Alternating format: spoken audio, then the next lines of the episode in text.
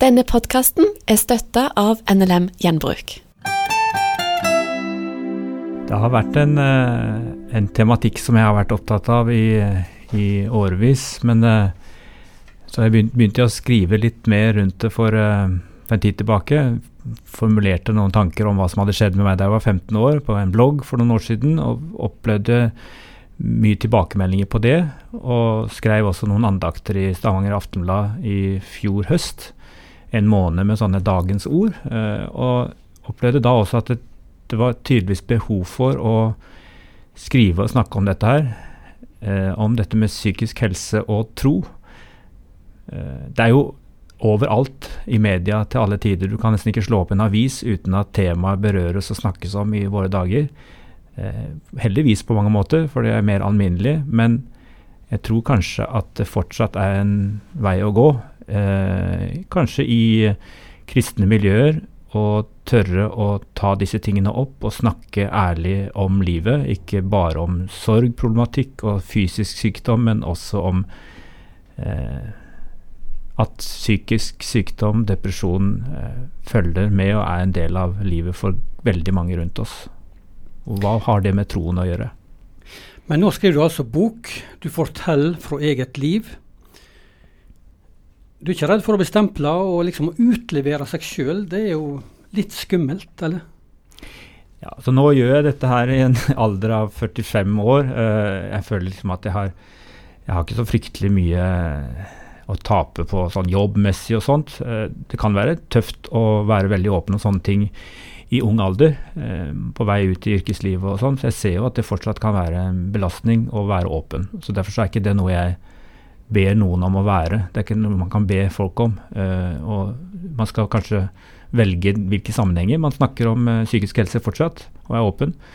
Jeg har valgt å være det, og opplever, har alltid opplevd det egentlig som en, en, god ting. Og det hjelper meg til at både mennesker rundt meg ansvarliggjør meg på det jeg må være fokusert på i eget liv for at ikke dette skal bli vanskelig igjen.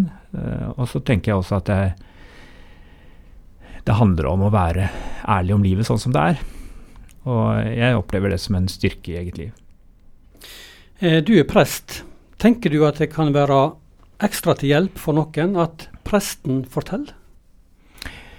Ja, det virker som at uh, kanskje det at personer som har en litt sånn offentlig rolle, uh, som er ledere, som på ulike måter eh, snakker om, ikke minst om troen og formidler og forkynner, at, eh, at, det betyr noe at eh, vi forteller at livet ikke bare var fryktelig før vi ble kristne, men at det faktisk kan ha vært vanskelige og tunge ting underveis i livet, også med Gud.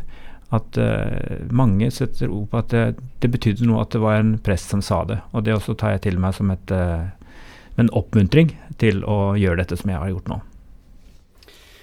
Du forteller i boka at du har opplevd eh, depresjon flere ganger i livet. Første gang var altså da du var 15 år gammel.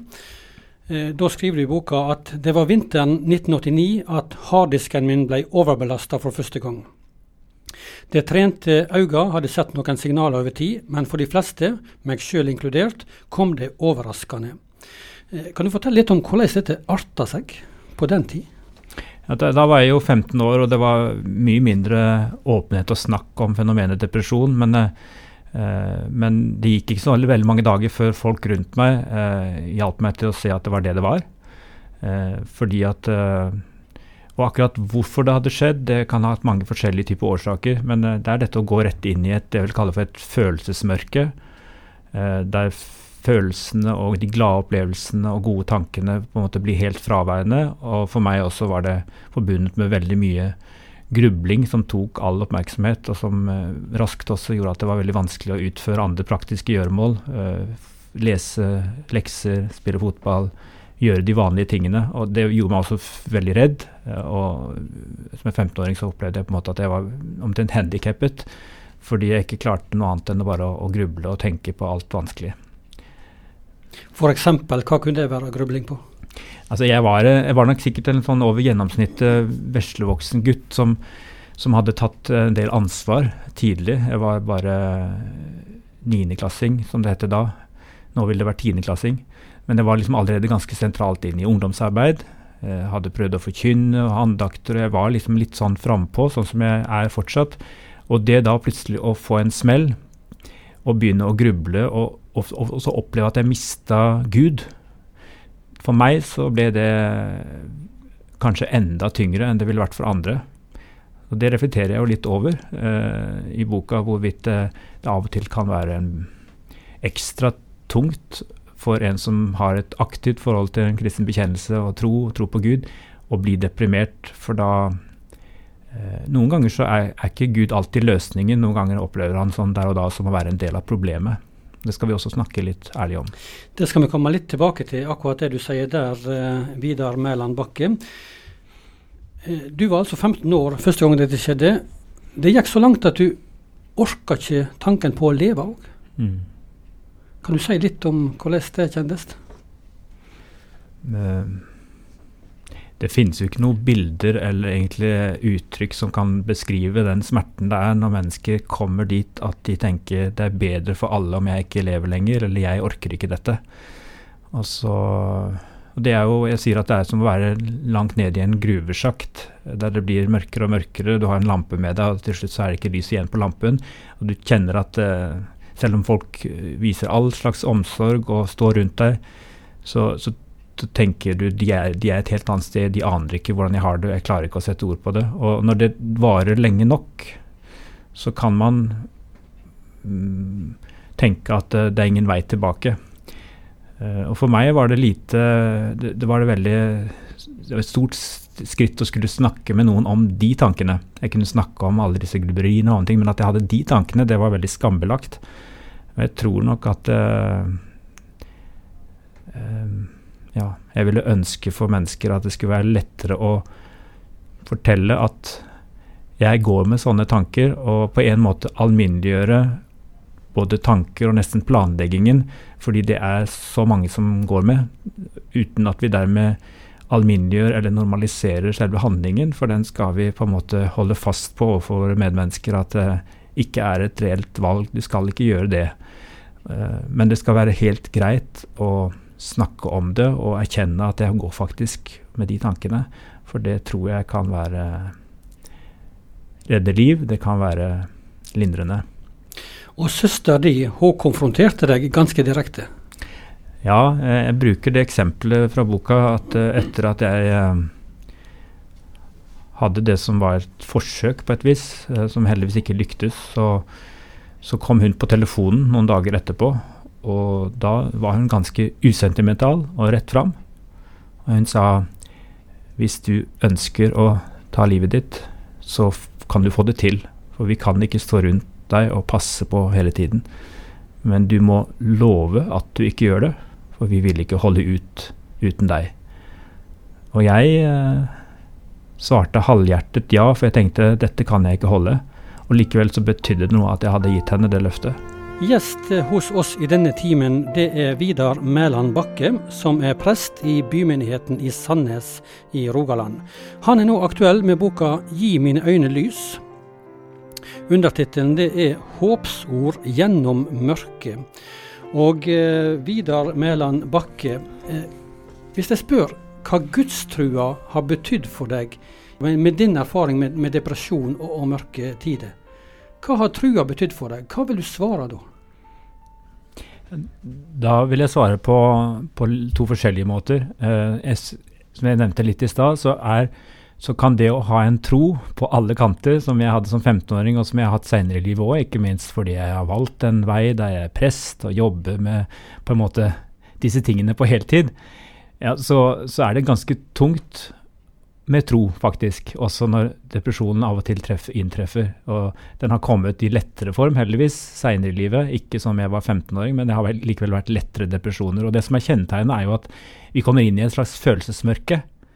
Eh, der eh, opplevelser og erfaringer kommer på en måte helt sånn blir på et lavbluss. Så vi, vi, føler ikke så veldig mye, og i hvert fall ikke har positive følelser. Og det er jo sånn at veldig mye av troens univers knytter seg til eh, bønnesvar, erfaringer, det å oppleve gode ting i det kristne fellesskap, å oppleve Ta til seg det som er godt av Guds velsignelser, Eh, og det er akkurat som alt det bare preller av når man kommer inn i et depressivt mørke. og Derfor så blir også grubleriene ofte sterke. Da kommer spørsmål om finnes det noen gud.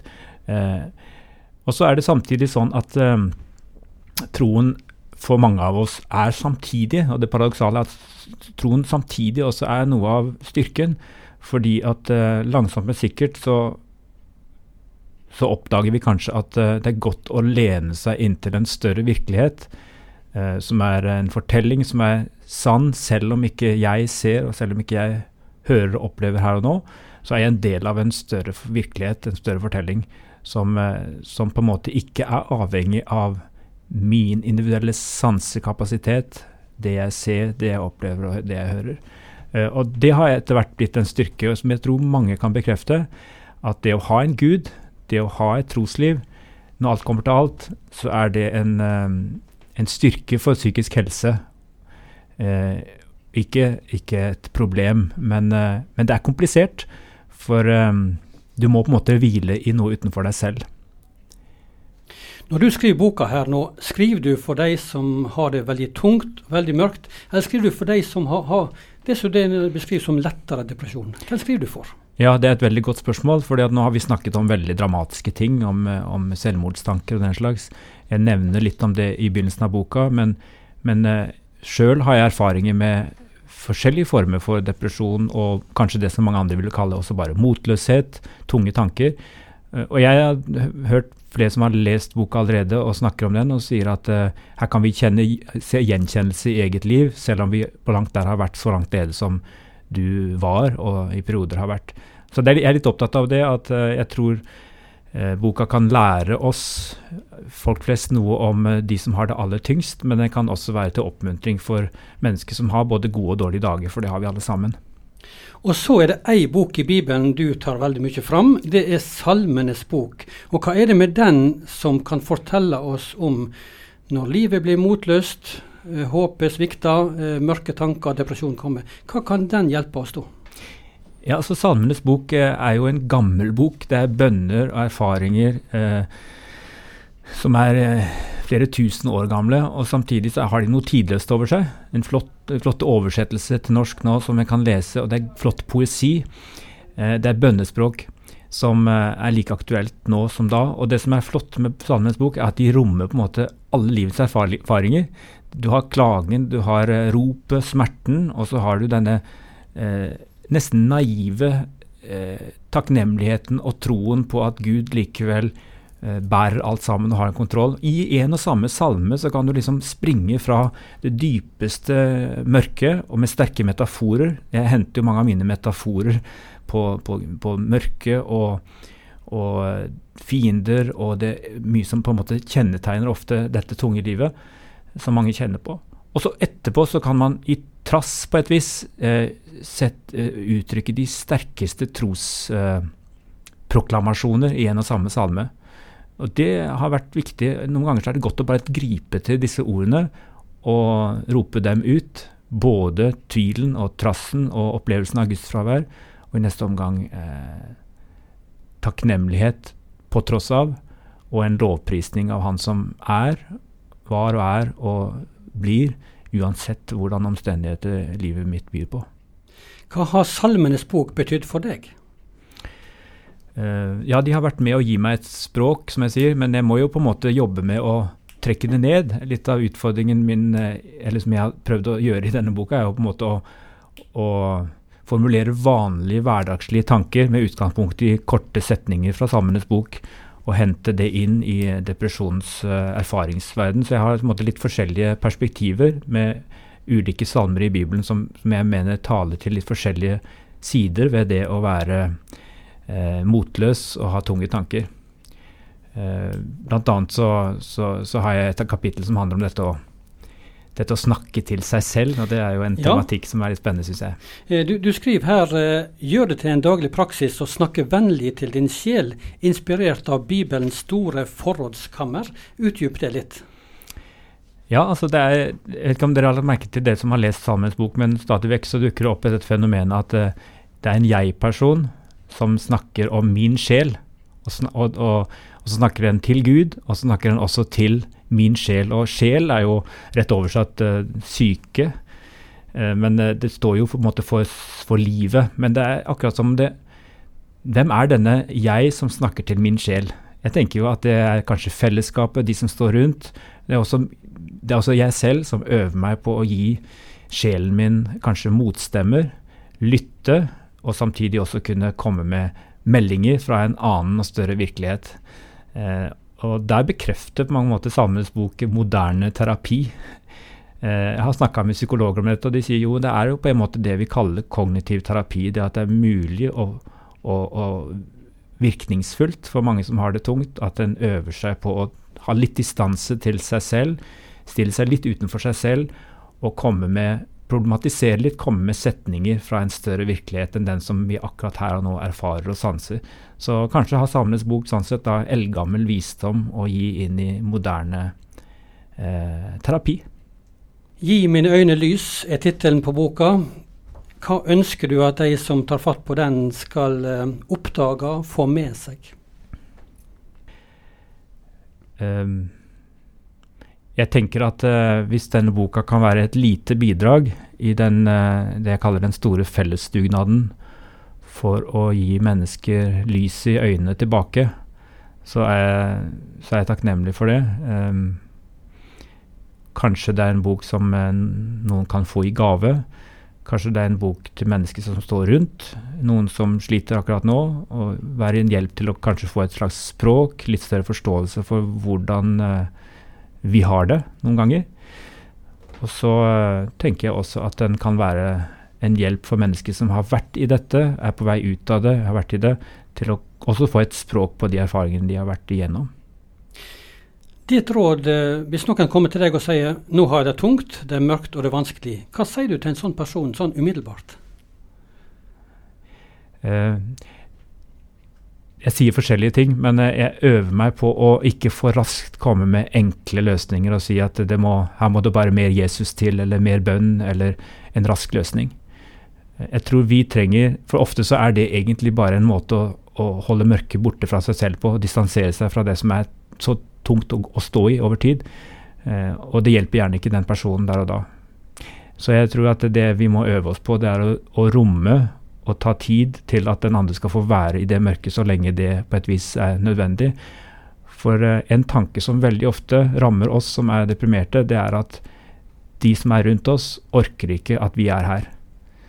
Uh, vi må komme oss ut av dette, ellers så kommer de ikke til å akseptere oss. De orker ikke å elske oss og være rundt oss særlig mye lenger. Og det er en tanke som kan feste seg så sterkt at uh, man begynner å tro på det og er overbevist om det. Vi må øve oss på i denne fellesdugnaden og si du skal få lov til å være der så lenge du må være der. Vi har tid til å vente på deg, og vi kan til og med tro for deg i denne perioden. Vi skal tale ord til trøst og oppmuntring, men så lenge du trenger å være der du er, skal du få være der. Vi har tid til å vente, og vi kan romme det mørket ditt i våre fellesskap. Og så er det viktig å åpne opp og si hvordan en har det. Ja, det, jeg tror det, jeg tror det alt, både skam og vonde ting har vanskeligheter med å leve når det blir delt, og når det kommer opp ut i lyset.